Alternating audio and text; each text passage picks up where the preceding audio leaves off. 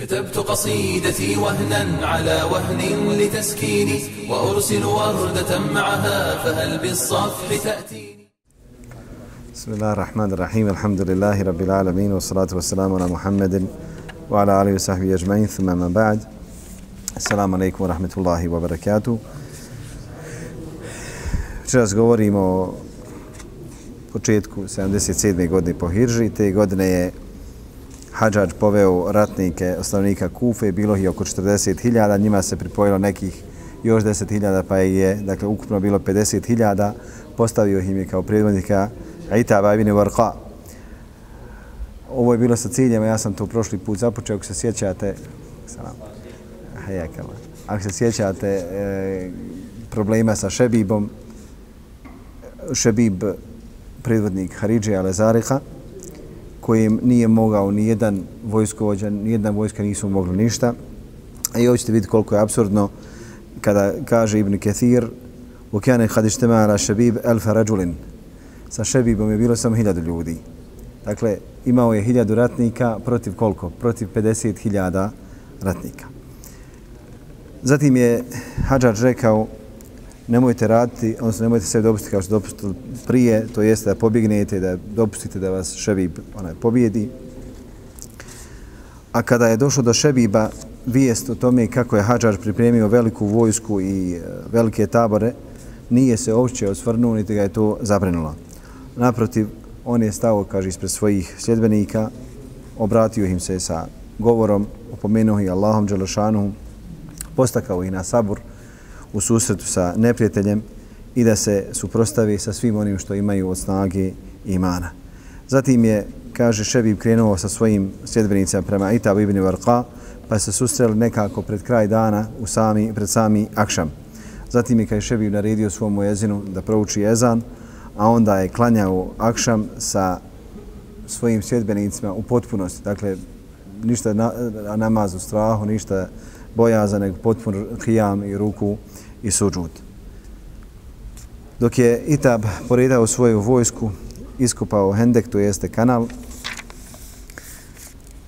a onda kada je Šebib završio sa svojim sljedbenicima Akšam, sačekao je sve dok se ne pojavi mjesec i dok ne obasja zemlju, a onda je pregledao i desno i lijevo krilo, a onda podigao zastave protiv Eitaba i govorio je, kaže, ene šebibu ebu mudle la hukme illa lillah.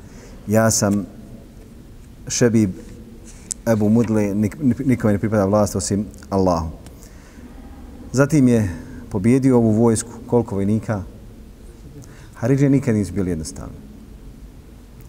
Imali ste koalicijne snage u Iraku i u Šamu, je bila šačica Haridžija, onaj protiv čitavog dunjalka. Kaj zatim je ubio njihovog vođu Kubesu ibn Valiha i mnogi od njihovih emira, zatim je navalio na desno, onda na lijevo krilo, rastirao čitavu vojsku, a onda krenuo prema sredini, dok nije došao do Itaba ibn Barha i ubio i njega. Zatim je ubio Zehru ibn Džovna i svu vojsku koja je preostala rastirao. Do te mjere, su, dakle, koliko su bježali, da su gazili po e, mrtvom tijelu Itaba i Zehre, onaj sa konjima, nisu mogli da se suzdrže. U ovoj bici je poginuo Amar ibn Jezid el-Kelbi, zatim je Šebib rekao svojim prijateljima, nemojte, odnosno kogod da je izgubio, nemojte ga goniti, pustite ga, to jeste nekide, nije nam cilj da ih ubijamo. A onda je, kaže, sva vojska od Hadžađa, od, od prvog do posljednjeg se vratila u Kufu. Ko je ostao sa Šebibom, Šebib ga je pozvao u svoju, svoju vojsku i da njemu dadne prisegu kao vođi, to jeste kao halifi, jer se oni smatrali, dakle svaki od tih haridžijskih vođa sveve smatrao jedinim halifom i nazivao sebe Amirul Mu'minin. Zatim im je rekao, nema vremena da bježite i nema nečega od čega se trebate, odnosno nečega od čega se trebate bojati a onda je sakupio i metak od, sa samog bojnog polja, pozvao svoga brata Musada iz Medajna, a onda je krenuo prema Kufi. Hadžađu je krenuo, odnosno došao mu je Sufjan ibn Ebred al-Kelbi i Habib Abdurrahman al-Hukmi iz Mužđeha sa 6000 konjanika. Sa njima je bilo mnogo, mnogo ostavnika Šama. Kaže Ibn Kathir, pa je Hadžađ mislio da mu je dovoljno ovo da se on sa stanovnicima Kufe suprostavi njima. Kaže, pa je ustao Hadžađ među ljude i zahvalio se Allahu, pohvalio zatim rekao stanovnici Kufe, nikoga Allah neće počasti koga vi budete htjeli počasti, niti, koga, niti nekoga pomoći koga budete vi htjeli pomoći. Idite, nestanite, nemojte se sa nama boriti, idite, kaže u Hiru, to jeste tamo gdje su, stanova, gdje su živjeli jevreji i kršćani, neće se sa nama niko boriti osim onaj ko bude nama odan. Kaže, ko nije prisutvao u ubijstvu Itab ibn Warqi, onaj neka krene u borbu protiv Šebiba. Šebib je došao do mjesta Sura, a Hadžar mu se suprostavio sa stanovnicima Šama, a rekao sam malo prije da je bilo koliko? Šest hiljada. I još neke se, neka se plemena njima projela, pa kad se susrele ove dvije skupine, sa Šebibom je bilo samo šestotina vojnika.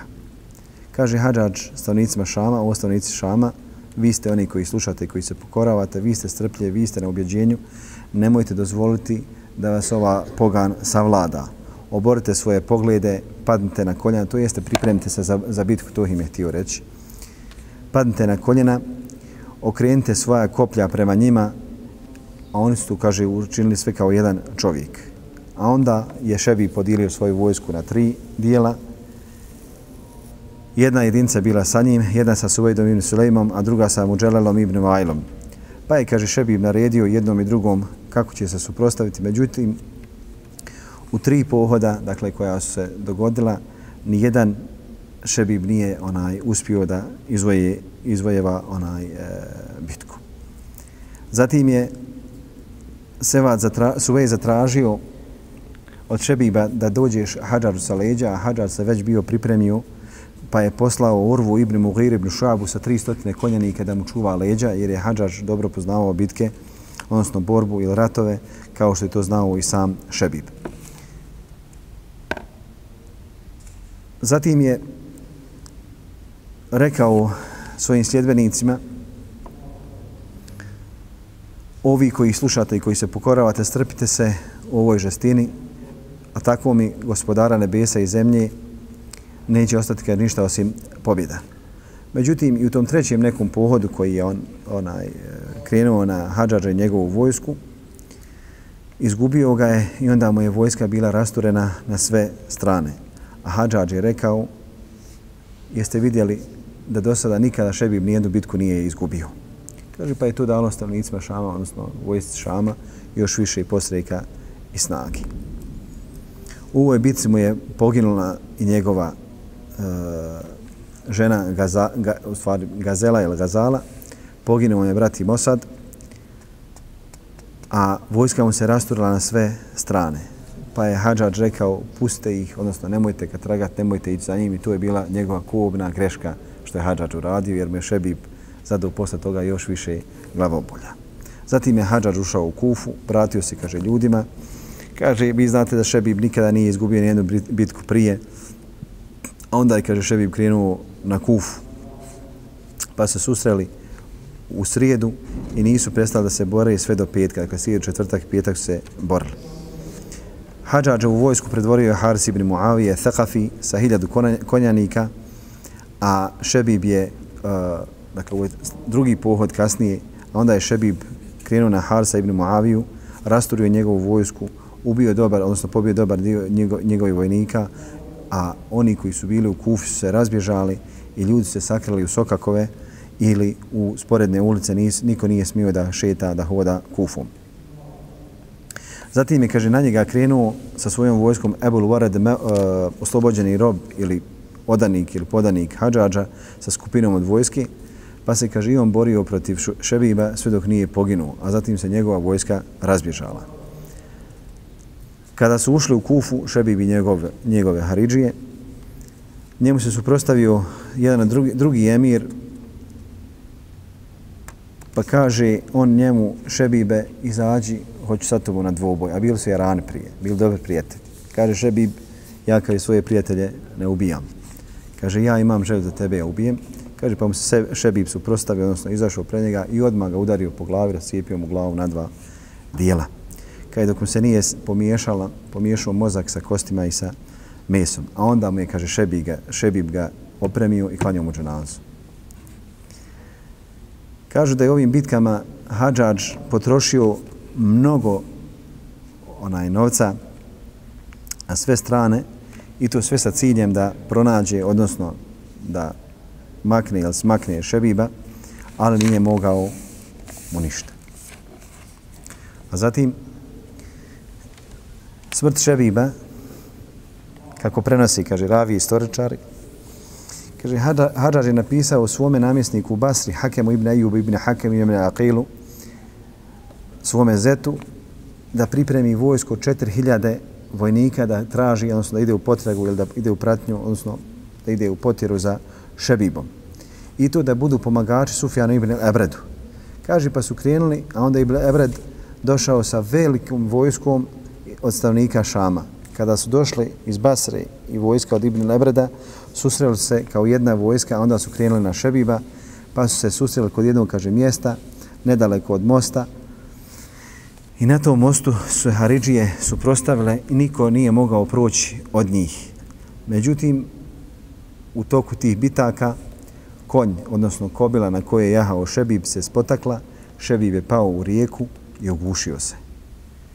Pa kažu istoričari da se, kaže, Šebib nije, kaže, ugušio, nikada ne bi mu se niko mogao suprostaviti i on bi postigao cilj, a to je njegov, njegov bio je cilj da uspostavi svoj hilafet i vjerovatno kaže da bi u tome i uspio. Pa kada mu je neko njegovih vojnika rekao, zar na ovaj način umireš, kaže, velike takdiru aziz il alim. To je odredba silnoga i onoga koji najbolje zna. Kad su rekli njegovoj majici, da je sin umru, a njegova mat se borila sa njim, im bilo ime Džehbera, kaže, kada sam bila trudna njime i kad sam ga trebala roditi, usnila sam san da je iz mene izašla vatra ili svjetlost. Kaže, odmah sam znala da vatru ne može ugasiti osim voda i da će njegova, kaže, smrt biti na vodi. I u toj bitci također rekao sam da mu je poginula onaj uh, njegova žena ili bici koja je prijethodila njoj.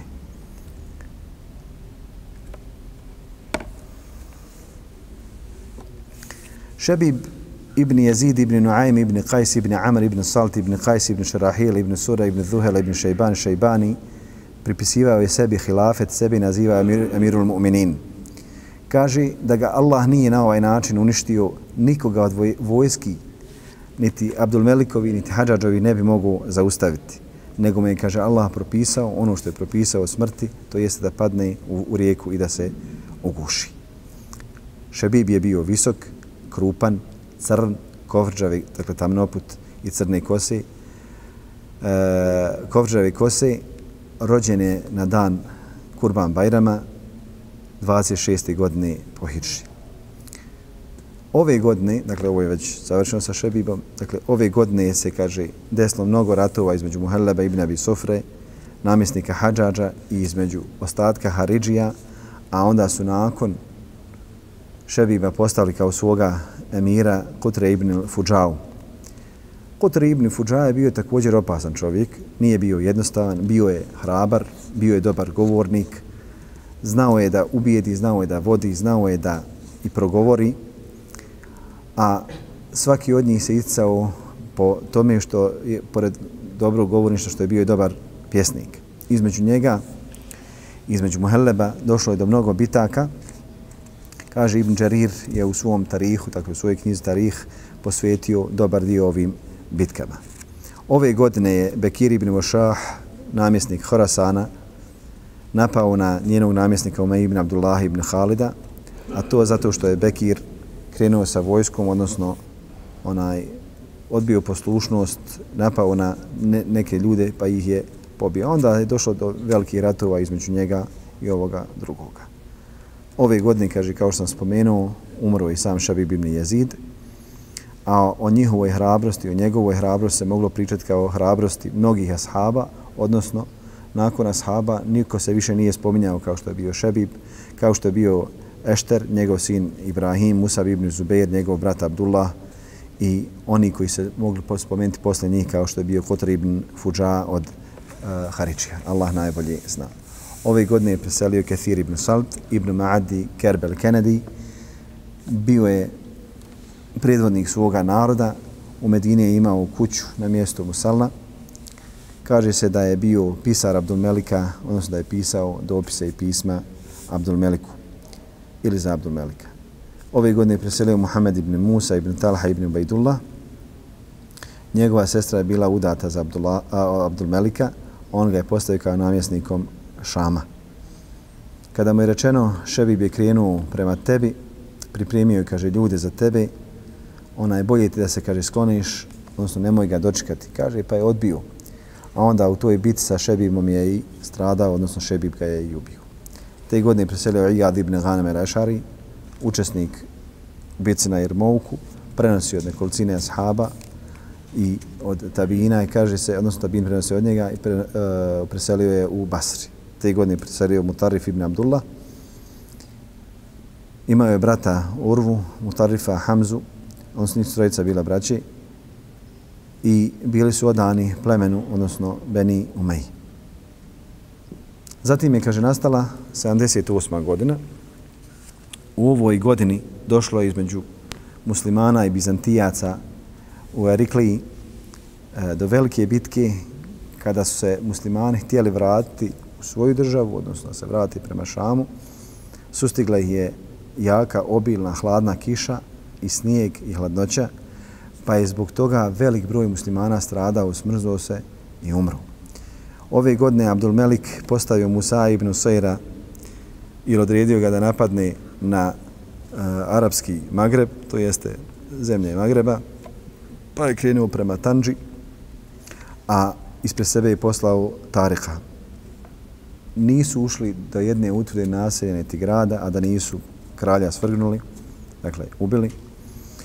A dešavalo se kaj mnogo što šta onaj, u tim bitkama. Te godine također Abdulmelik smijenio u Meju ibn Abdullaha uh, u Horasanu, pa je Horasan pripojio Hadžar, zajedno sa Sežestanom.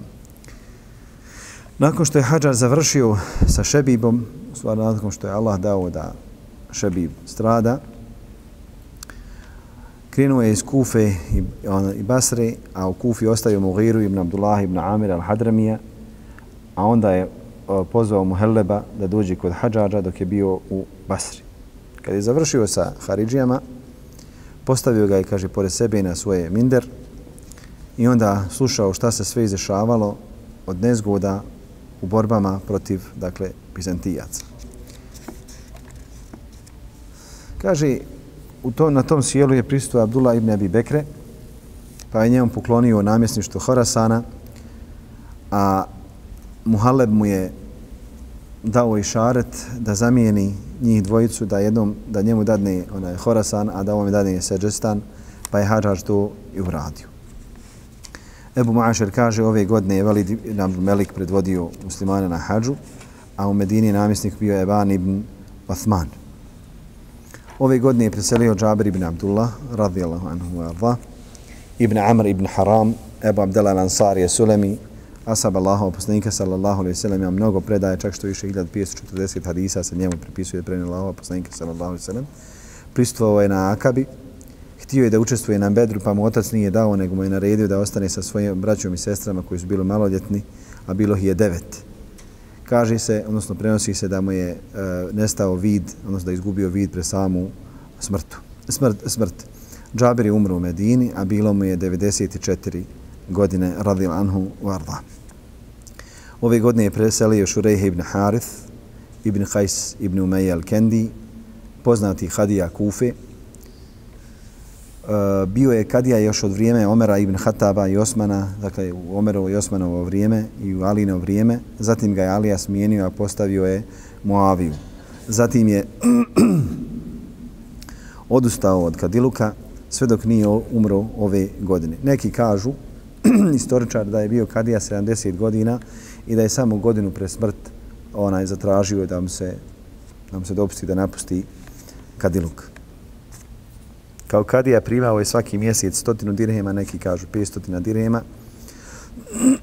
kad god bi izašao na neku presudu, odnosno da sudi ljudima, rekao bi, znaće nepravednik šta je, čime je usrećen od onoga što je nekoga zakinuo.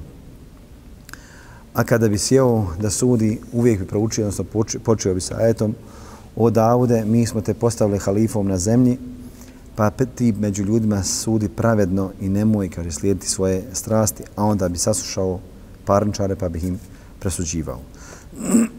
Također je govorio nepravedan, kaže, uvijek čeka kaznu, a mazlum, to jest onome kome se nepravda čini, on čeka da, odnosno pobjedu ili da bude presudan njegovu ruku.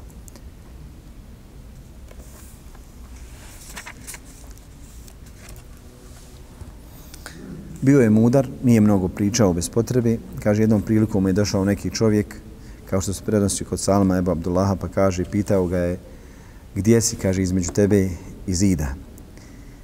Došao mu je, kaže, neki čovjek iz Šama i rekao, oženio sam, kaže, ženu, a on reče njemu, kaže, da uživaš i da ti rađa sinove. Kaže, ona je postavila uslov da joj pripada kuća, kaže, uslov je ono što je postavila. Kaže, de nam presudi. Kaže, već sam završio. Dakle, ti si pristao na taj uslov i nema šta da se parničiš, kuća je otišla njoj. Kažu, on Sufjan ga je pitao, Šurehu, čime si postigao ovaj nivo znanja? Kaže, razmjenjivao sam sa učenjacima, uzimao sam od njih i davao sam istovremeno njima. Od, od Hubeire se prenosi da čuo Aliju da je rekao, o ljudi, dolaze mi vaši fakihi, to jeste pravnici ili učeni ljudi, pa me pitaju, ja ih pitam. Kada bi sutra, kada je došao dan i kada bi se ispunila, kaže Avlija, ja bih, kaže, upitao ovome, ovome, on me pitalo tome i tome, ja kada bih obavijestio, prošao bi, kaže, dan, a oni bi, kaže, svi ustali otišli osim Šurejha. Oni, kaže, sjedio još uvijek na koljenima, čekao i nije, kaže, htio odustati da me nije pitao, da mu nisam odgovorio.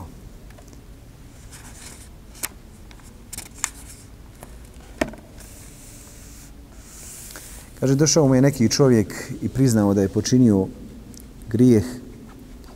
Pa kaže njemu, ja eba umeje, ti si, kaže, presudio bez ikakvih dokaza. Kaže Šurejh,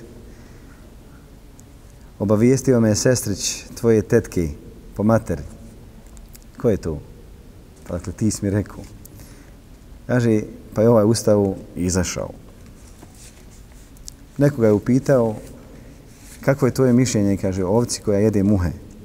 Kaže, bespatan, bespatan koncentrat ili hrana, a lijepo je, ukusno je mlijeko.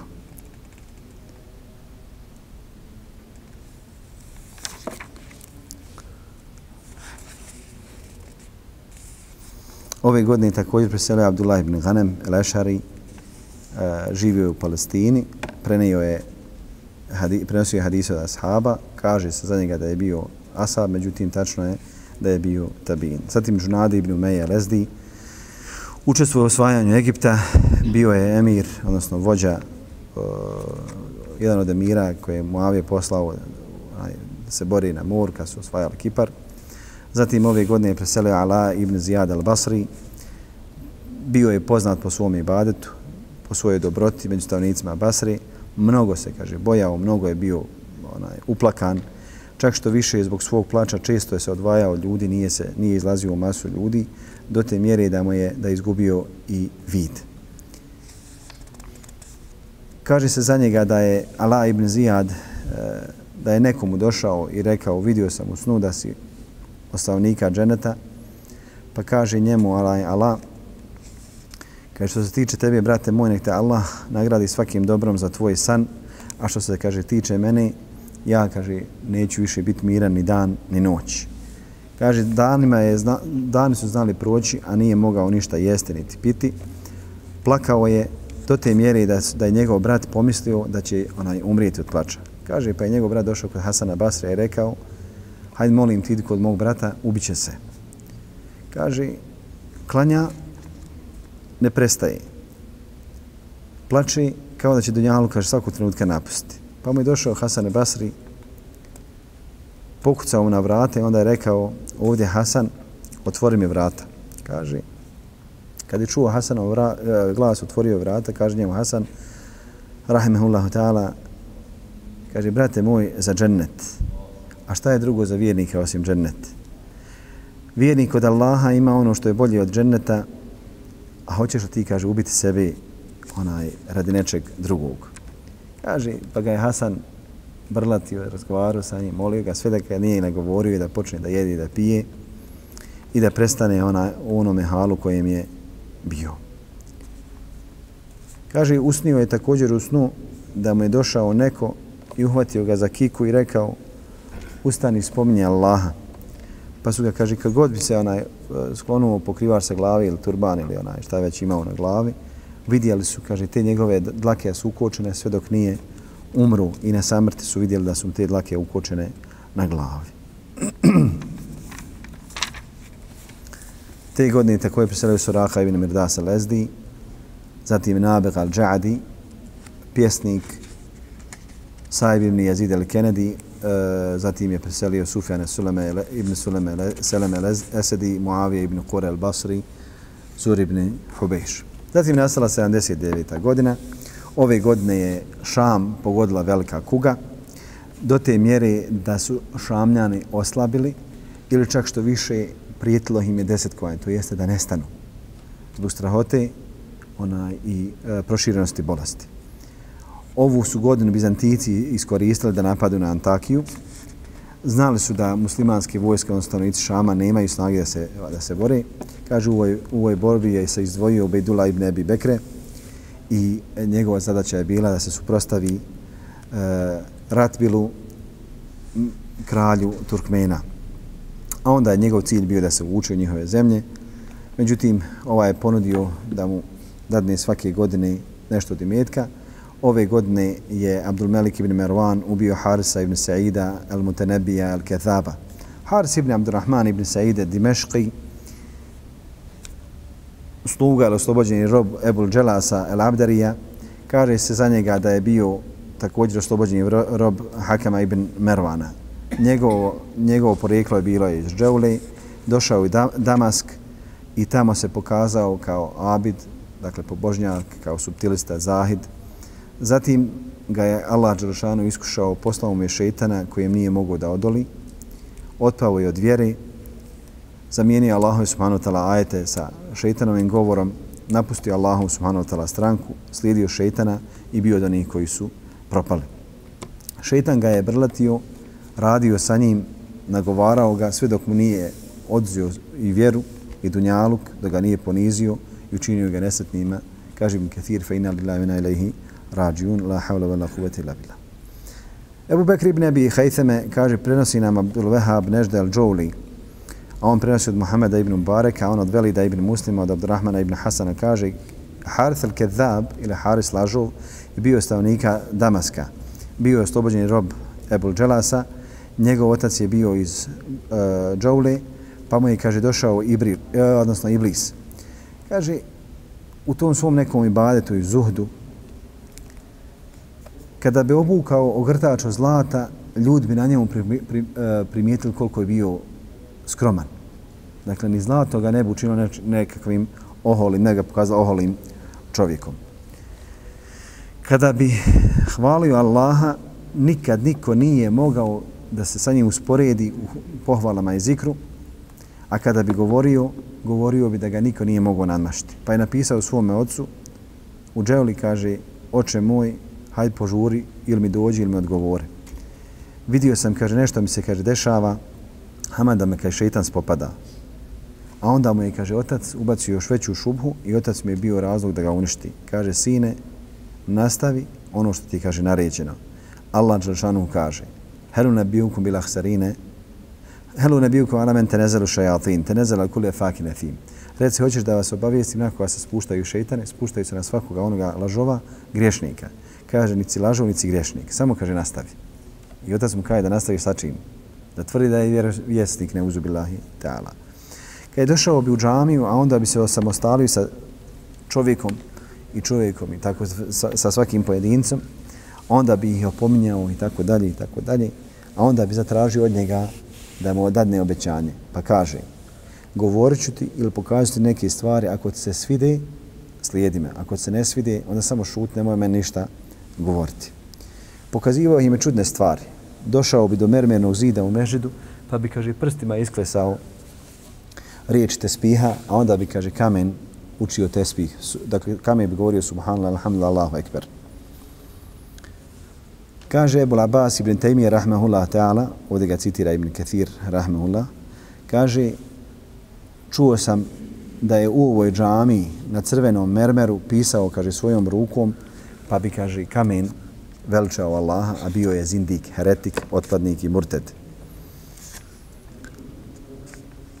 Od njegove fitne je bilo da je Haris svoje prijatelje, dakle, častio zimi ljetnim voćem, a ljeti zimskim voćem, govorio im je, hajte da vam pokažem, kaže Meleke, pa bi onda im, kaže, pokazao ljude a, na konjima, a zbog svega toga, dakle, nadal, daleko, a zbog svega toga ga je mnogi, mnogi su ga ljudi onaj e, slijedili. Kad je došao kod Kasama ibn Muhajmire, on je rekao Kasim ibn Muhajmiri isto ono što je rekao svakom čovjeku, pokazati neke stvari, ako budeš zadovoljan slijedima, ako ne budeš, onda nemoj nikom o meni ništa govoriti. Kaže, šta hoćeš da kažeš? Šta hoćeš da kažeš? Kaže, ja sam vjerovjesnik. Kaže njemu Kasim, lažiš tako me Allaha, ti si Allahov neprijatelj. Nisi vjerovjesnik, nego si ti jedan od onih lažova držala za koje Allah poslanik sallallahu alejhi ve sellem rekao ne se des sudnji dan sve dok se ne pojavi u mom umetu 30 držala, držala lažova. Svaki od njih će tvrditi da je vjerovjesnik, ti samo jedan od njih, nema više za tebe zašte. Kaže, lah delek, dakle ne, ne možete više niko spasti, gotov si. E, zatim je ustao Kasim, otišao Ebu Idrisu, a bio je kadija u Damasku, pa mu je spomenuo šta Haris govori, kaže Ebu Idris, mi kaže znamo za njega i za njegove, tvrdnje, za njegove tvrdnje. Zatim je nakon Ebu Idrisa poslao pismo Abdulmeliku o tome, govoreći mu šta ovaj tvrdi, a u jednoj predaji da je Mekhul i Abdullah ibn Abi Zajde došli kod Harisa, pa i on pozvao da vjeruju njegovo vjerovjesništvo, a oni su odbili ustvrditi da je lažov i da nema vjerovjesništa nakon poslanika sallallahu alejhi ve sellem i da su njih dvojica otišli kod Abdul Melika pa mu spomenuli šta ovaj tvrdi odnosno kako širi teoriju o tome da je on se pojavio kao vjer, vjerovjesnik. Nakon toga kada je Haris saznao da Abdul Melik ibn Mervan do Abdul Melik ibn Mervana došla vijest o njegovim nebulozama i lažima, on je pobjegao u Beitul Mahdis. Tamo je pozivao ljude potajno, jednog po jednog, Abdul Melik nije htio dopustiti da se raširi njegova fitna, pa je, kaže, uh, krenuo sa svojom svitom u mjesto Nasrija. Kad je došao u Nasriju, rekao je stanovnicima, odnosno jednom od ljudi Nasrije, oni koji su dolazili kod Harisa u Beitul Mahdisu, kaže, reci nam gdje je Haris, kaže, on se nalazi tu i tu. A onda kaže e, Abdul Melik, dovedite mi, kaže, vojsko od Turkmena, hoću, kaže, da ga opkoli oko te njegove kuće. Kaže, pa je ovaj dakle taj čovjek, ne spominje njegovo ime, on samo kaže stavnika Nasrije, kaže ušao je, Abdul Melik je naredio da kada ovaj kaže palte svijeće, da svi, svi vojnici, svi stavnici Betel Maktiza zapali svijeće u jednom trenutku. Kaže, pa kada je ušao kod njega, pitao je gdje je Haris, a on je šutio. A onda njegov vratar reče, ne možeš, kaže, u ovo doba ući kod Allahova vjerovjesnika. Kod njega se, kaže, ne ulazi u ovo doba. Pa je onda, kaže, ovaj Nasri, rekao palite. I onda su, kaže, svi popalili svijeće, a on je uhvatio dio njegovog grtača jer se bio zavukao u neku rupu između dva zida. Kaže, pa ga izvukao, izvukao tako da nije mogao pobjeći jer je tamo u Betel Magdisu toliko svijeća zapaljeno na jednom trenutku i lampi da je pomislio da je dan, da je svanuo.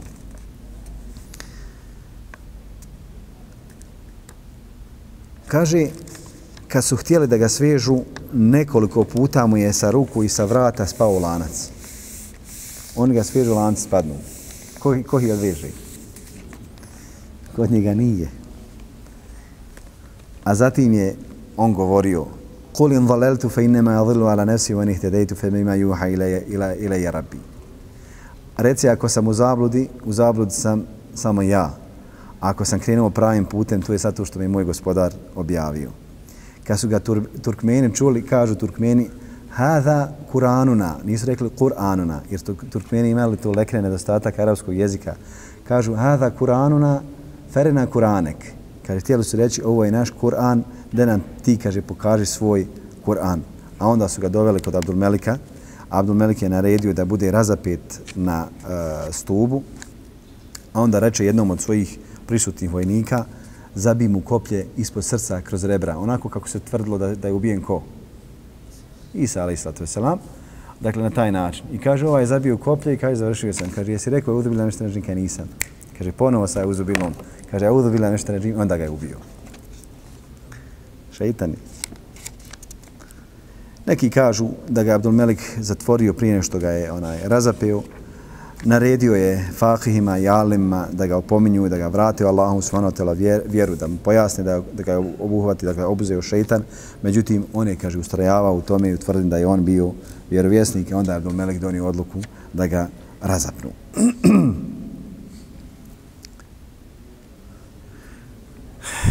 Velid ibn Muslim prenosi od Ibn Džabira, kaže, govorio me i čuo sam Aavera da je rekao, čuo sam Ala ibn Zijad al-Adawija, da je rekao, ninačem više nisam zavidio Abdul Meliku u njegovom vilajetu, u njegovoj vladavni, kao što je mogao da ubije Harisa, jer je Allah poslanik sallallahu sallam rekao, neće se, neće se pojaviti sudnji dan sve dok se ne pojavi 30 deđala lažova, svi će tvrda su vjerovjesnici, a onaj ko kaže pa ga ubiju, a onaj koga onaj, e, ubi, koga od vas ubije, njemu je džennet. Također, ove godine u Bejdula ibn Abi Bekre e, sa svojim vojskama na, napao na Retbila e, vladara Tur, Turkmena. On je munafčio sa, sa, sa muslimanima, nekada bih im pokazivao svoju lojalnost, nekada bih ih napadao, pa je Hadžaž napisao Ibn Abi Bekre da sakupi oko sebe muslimane i da uđe u njegovu državu, odnosno da prijeđe granice njegove države i da ne ostavi ništa, a da ne uzme, ne sruši, ne popali, ne zarobi i od muškoga ne pobije. Kaže, sa njim su krenuli veliki broj stavnika Basra i Kufe, zatim su se susrali sa Ratmilom i uradili su ono što im je Hadžađ naredio. Zauzeli su, kaže, mnogi pokrajine, mnogi gradove, a Ratbil je iskoristio bliskost zime. Kaže, kada su ušli muslimani e, kod njega u njegov takozvani veličanstveni grad, muslimani su bili, odnosno muslimanske vojske su bile zatvorene u uske ulice i sokake. Pa je onda, kaže, Ubejdula ponudio Ratbilu da uzme od njega 700.000 zlatnika svake godine i da pusti muslimane da se vrate onaj odakle su došli. Kaže, pa, se pa je onda došao Šure, Šurej ibn Hani, a bio je ashab, bio je jedan od najstarijih ashaba, predvodio je stavnike Kufe. Kaže, pa je postakao ljude da se strpe, da se bore i da podnesu onaj e, nastavak borbe, a Ubejdula ibn Abi Bekre mu je rekao, ne možeš nastaviti borbu jer nismo pripremljeni za ove uslove. A onda je, kaže, on, od, odnosno odbio e, e onaj naredbu Ubejdullaha i borio se. Kaže, borio se sve dok nije ubio, bio ubijen. A sa njim su izginuli maltene svi oni koji su ga poslušali, koji su krenuli onaj u borbu. Nešto se, kaže, malo ti vojnika spasilo. Kod, do Hadžara je došla ova vijest, on je napisao do Meliku da kaže kako su muslimanske vojske stradale u pohodu na Ratbila. A onda je Hadžađ po naredbe Abdul Melika morao da pripremi drugu veliku vojsku. Međutim, ta vojska Eh, njih od priliku 30.000 koji su stradali morala da se nadomjesti sa još većom vojskom da bi mogli da izađu na kraj sa Ratbilom. Waqidi kaže, prenosi se, prenosi Ebu Mašer i mnogi drugi historičari da ove godine Eban ibn Othman predvodio, emir Medine predvodio ljude na hađu. Ove godine je poginuo Kotre ibn Fuđaje Temimi, Ebu Noame al-Haridži ili Haridžija. Bio je od poznatih hrabrih vojskovođa i ratnika. Kaže se da je e, ratovao protiv halifa 20 godina. Mnoge bitke izvojevao protiv Muhelleba ibn Abi Sofre, a vi znate da je Muhelleb bio izaslanik od Hadžađa. Kaže u jednoj od bitaka suprostavio mu se neki od ljudi od Harurija, učesnika na Haruri. Kaže, kad se približio Kotri ibn Fuđaj, Kotri ibn Fuđaj je skinuo onaj omotač lica i ovaj se okrenuo i pobjegao. Kaže njemu, Kutri, zar te nije kaj sramota bježiš kaj sa bojnog polja? Kaj nije sramota od tebe pobjeći. Jer je znao, kad, kad je vidio o kom se radi, znao da mu se ne može suprostati, znao je da će poginuti. Kažu, to je jedan od bitaka na Taberistanu. Onaj, spotakao mu se konj i on je pao i onda su vojnici skočili na njega i onaj, ubili su ga. Kaže, onaj koji ga ubio bio je Seuda ibn Hur Darimi, a onaj e, Kutri je bio poznat po dakle neopisivoj hrabrosti. Dakle, svi oni koji su bili prethodnici, on bi, kaže, bio, mogu spomenuti da je mnogo hrabri od njih. Ove godine je također preselio Ubejdula ibn Abi Bekri, rahmehullah ta'ala. Bio je emir vojske koja je došla, odnosno ušla u, u zemlje onoga Turkmena, oni koji se borili protiv Ratvila, namjesnika ili kralja e, Turkmena. Kaže, jednom prilikom je Hadžač vidio prste na njegovom prstu, pa je rekao koliko si opečatio ovim svojim prstenom. Kaže, 40 miliona dinara. Kaže, na šta si ih potrošio? Potrošio sam ih kada je načinjenje dobra, zatim pomaganje siromašnima i potrebnima, zatim onima koji su htjeli da čine dobro i da se žene oni koji nisu mogli da se ožene. Kaže se, jednog dana mu je nadošla žeć, pa mu je neka žena iznijela vodu, a on je dao 30.000 dirhema.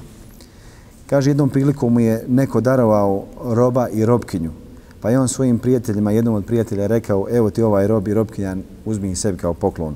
A onda je kad je zamislio se i rekao, šta sam, kaže, uradio, koliko će, kad je sad ovdje ljudi pozaviti, što sam ovom dao. Dovedite, kaže, svakom od njih roba i robkinju. Kad je bilo je 40 CLG-a, pa je podijelio 80 robova i robkinja za, samo za, jedan, za jedno sjelo. Zatim je nastala 80. godina po hirža Allaha poslanika sallallahu alaihi sallam. Ove godine je velika bujica i velika kiša poplavila Meku do te mjere da su hađađove, dakle deve od uh, takozvane ibele bile sadaka, onaj, bujica ih je nosila, mnogi ljudi, žene, nisu se mogli suprostaviti pa, se, pa su izgubili život u ovoj poplavi, odnosno u ovoj bujici. Njena visina, odnosno vode je došla do te mjere da je maltene čita u kabu poplavila. Uakidi kaže ove godine u Basri zavladala kuga, međutim, tačno je da se to 269. godine, kao što smo već o tome govorili.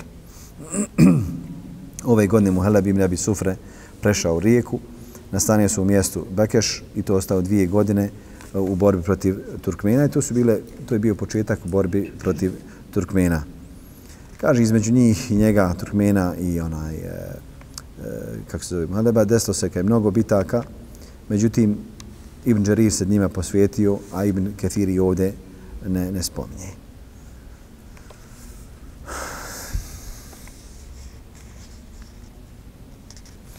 Zatim je Hadžađ izdvojio Ibn Ešasa kao predvodnika vojske protiv Turkmena. Između ostalog dao mu je velik broj vojnika, a Hadžađ ga ni u jednom trenutku nije volio, čak što više Hadžač kaže za njega kad ga vidio da postrojava vojske, ni jednog trenutka ga kada nisam vidio, kaže da hoda među vojskom, da nisam kada je poželio da ga ubijem. Pa je rekao Amiru Šabiju, kaže, pogledaj ga kako hoda, tako me Allaha, svaki put, kaže, želja mi je da mu, kaže, skinem glavu sa ramena. Kaže, pa je Šabi ovo prešutio, nije rekao Ibn Ešasu. A onda je kasnije, kada Ibn Ešas saznao kada je tako me Allaha, i ja, kaže, sam se trudio i trudiću se da smaknem njega sa njegovog trona, to jest da smakne Hadžađa. Naime, Ešas je predvodio bitke protiv Ratbila, protiv Turkmena, izvojevao, a kažem sad su imao veliku, veliku odnosno mnogobrojnu onaj, vojsku, do te mjere da kada bi se završile bitke, Ešas je napisao njemu izvještaj, to jeste Hadžađu, i kaže, završio sam bitke protiv Ratbila i njegovih vojski, treba mi, kaže, dosta vremena da se moja vojska i konji odmore. Kaže, Hadžađ, nije te, kaže, sramota da sjediš, nije tvoje, kaže, da odmaraš, tvoje da ideš dalje u ratove, pa je onda, kaže, Ešas iskoristio tu priliku da napravi pobunu među vojskom. Ove godine je preselio Eslem oslobođeni Roma Omera ibn Hataba, Ebu Zaid ibn Eslem, zatim Džubeir ibn Nefer, Abdullah ibn Džafer ibn Abi Talib, e, Dža, Abdullah ibn Džafer je rođen u Abesini, njegova mati je bila Esma bint Umejs. Esma bint Umejs, ako se sjećate, ona je za sebe rekla da je bila udata za tri najbolja čovjeka i rodila tri najbolja sina onaj, od tih ljudi. On je bio posljednji koji vidi Allaha poslanika sallallahu sallam Benu Hašim prije njegove smrti. Nastanio se u Medini. Kada mu je preselio njegov otac Džafer na muti, došao je Allahov poslanik sallallahu sallam njihovoj majci i rekao daj mi, kaže, sinove moga brata. Zatim je Allahov poslanik sallallahu sallam uzeo, oni su bili kao tičići. Kaže Allahu poslanik sallallahu sallam rekao dajte mi britvu, obrijao im glave, a onda rekao Allahumme podari Džaferu u njegovoj porodici nasljednike, podari Beričat Abdullahu u svakoj njegovoj dakle, trgovini. Pa je došla njihova mati, došla, spomina Allahom poslaniku sallallahu alaihi sallam, rekla Allaho poslaniče, oni nemaju ništa, kaže Allaho poslanik sallallahu alaihi sallam, ja ću im zamijeniti oca. Allahu poslanik sallallahu alaihi sallam je dao prisegu Abdullah ibn Džafer i Abdullah ibn Zubeiru, a imali su samo sedam godina. I ovo nikome Allahu poslanik sallallahu alaihi sallam nije više dao osim njima dvojici radi Allahanhum wa ardahum. Abdullah ibn Džafer je bio jedan od najplemenitih ljudi, davao je mnogo. Znao je na jednom sjelu podijeliti milijone zlatnika, jednom je čovjeku dao 60.000 zlatnika, a drugom je čovjeku dao 4.000 zlatnika. Kaže, jednom prilikom je čovjek došao u Medinu sa šećerom pa niko od njega nije htio šećer da kupi dok mu šećer nije propao, onda je Džafer, odnosno Abdullah ibn Džafer naredio da se procijeni njegova onaj vrijednost, vrijednost da mu se te pare isplate, a da se šećer uzme i podiri ljudima džabe. Kad je Muavija otišao na hađ, došao je kod Mervana i onda rekao svojim e, čuvarima, kaj pogledajte ima, ima li gdje Hasana i Huseina ili Abdullah ibn Džafera, Pa je kaj spomenuo nekolicinu njih. Kaže, nema nikoga, nego su se, kaže, sakupili kod Abdullaha ibn Džafera, ručaju. Kaže, Muavija, nema, kaže, ništa, odnosno ne fali ništa da ja kad odem kod njih, ako nema njih u odblizu da ih zovnete, onda ja, kaže, kod njih. Kaj je uzeo je prut, naslonuo se i otišao kod vrata Abdullah ibn Džafera, pa je zatražio od njega ona izun da uđe, a onda ga je Abdullah ibn Džafer posadio u vrh sofri. Kaže njemu Avija, gdje ti je, kaže, ručak, kaže, evo ga, imaš kaj neku želju, imam, Muavija kaže, imam želju, šta voliš, kaže, hotio da pojedem mozak, mozak od bravčeta. Kaže, pa je rekao u svom slugi, donesi nam, kaže, jedan mozak, pa pripremi, pa je kaj pripremio, donio, a onda e, Abdullah kaže, Muavija, možeš li još, kaže, mogu. Pa je donio jedan, pa drugi, pa treći, kaže, kad se najeo, Muavija se začudi njegove plemenitosti, kaže, ja se, kaže, ne mogu zastiti koliko ti možeš dati. Muavija njemu kaže. Pa je onda Muavija izašao i naredio da se dadne njemu za taj ručak 50.000 zlatnika. Abdullah ibn Džafer je bio dobar prijatelj od Muavije, odlazio mu svake godine, a on mu je dao milion dirhema kao naknadu ili platu godišnju. I svaki put kad bi Abdullah ibn Džafer došao kod njega, pored tog miliona dirhema, on bi mu ona, ispunio stotinu njegovih potreba, da li za njega, ali za nekoga drugoga. Kad je Muavija preselio, naredio je svome sinu Jezidu da ga pazi, a kad je Abdullah ibn Džafer došao kod Jezida, on ga pita koliko ti je Emirul Mu'minin davao svake godine, kad je davao mi je milion dirhema. Kaže, ja ću ti kad je dati duplo, onaj, dobit ćeš dva miliona dirhema od sada. Kaže Abdullah ibn Džafer, oca i majku bi žrtvovao za tebe, nikad, kaže, nikome prije tebe nisam ovo rekao, niti, kaže, posle tebe ću reći koliko sam dobio. Kaže njemu Zaid, E, e, e pardon, jezid, kaže, niti sam nekome prije tebe dao, niti ću posle tebe voliko para dati. Ali eto, po oporicu svoga oca. Džafer, odnosno Abdullah ibn Džafer je imao jednu robkinju koja je bila poznata po, po tome što je lijepo pjevala i on je volio nju da sluša. Ime joj je bila Amara. Volio je, kaže, mnogo. A onda jednom prilikom mu je došao u goste jezid ibn Muavije, pa je kada je čuo, mozak mu se okrenuo od ljepote njenog glasa. Kaže, pa jezid nije odustao i poslao je, kaže, ljude u goste Abdullahu ibn Džaferu i kaže, odneste mu puno hedija i poklona, a dok se bude, kaže, zabavio tim, uzmite je pa je meni dovedite.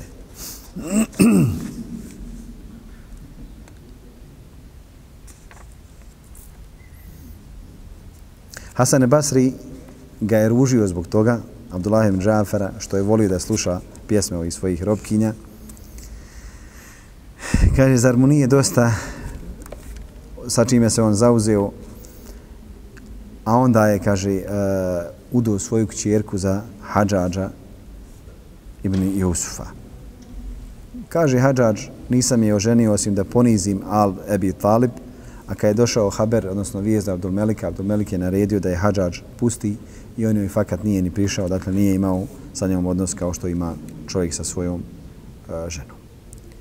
Ove godine je preselio Ebu Idris al-Hawelani, Aid Allah ibn Abdullah, također se spominje da je zbog svog zuhda i svog ibajeta imao rašte događaje ili keramete, a bio je jedno vrijeme hadija u Damasku. Također, također ove godine preselio je Ma'abed al-Džuhen al-Hadari po imenu Ma'bed ibn Abdullah ibn Alim, prvi čovjek koji je progovorio o kaderu, učestvovao je na dan suđenja između Alije i Moavije. On je preuzeo e, uh, kajem prvi koji je govorio o kaderu, a e, ovu je teoriju preuzeo od nekog od kršćana stavnika Ira, Iraka po imenu Sus. Zatim je Gajlan al-Kader preuzeo od Mabeda i ovo je, kaže, bila fitna koja se proširila nakon njega. Ibn Mu'in ga je smatrao thikom, to jeste povjerljivim, a Hasan Basri kaže, čuvajte se Mabeda, kaže, on je balun mudil, to jeste u zabludi i vodi u, za, u zabludu. Učestvovao je u bitci protiv Hadžara zajedno sa Ibn Ešasom. Hadžar ga je uh, zarobio, a onda ga je nakon uh, patnje na kraju ubio. Neki kažu, kao što je Sejid ibn Afir, kaže da ga Abdul Melik razapeo 80. godine u Damasku. A zatim je nastala 81. godina, to ćemo šala idući put. Sallallahu ala sayyidina nabina Muhammed wa ala Muhammed. Wa jazakum Allah khairal jazaa. كتبت قصيدتي وهنا على وهن لتسكيني وأرسل وردة معها فهل بالصفح تأتي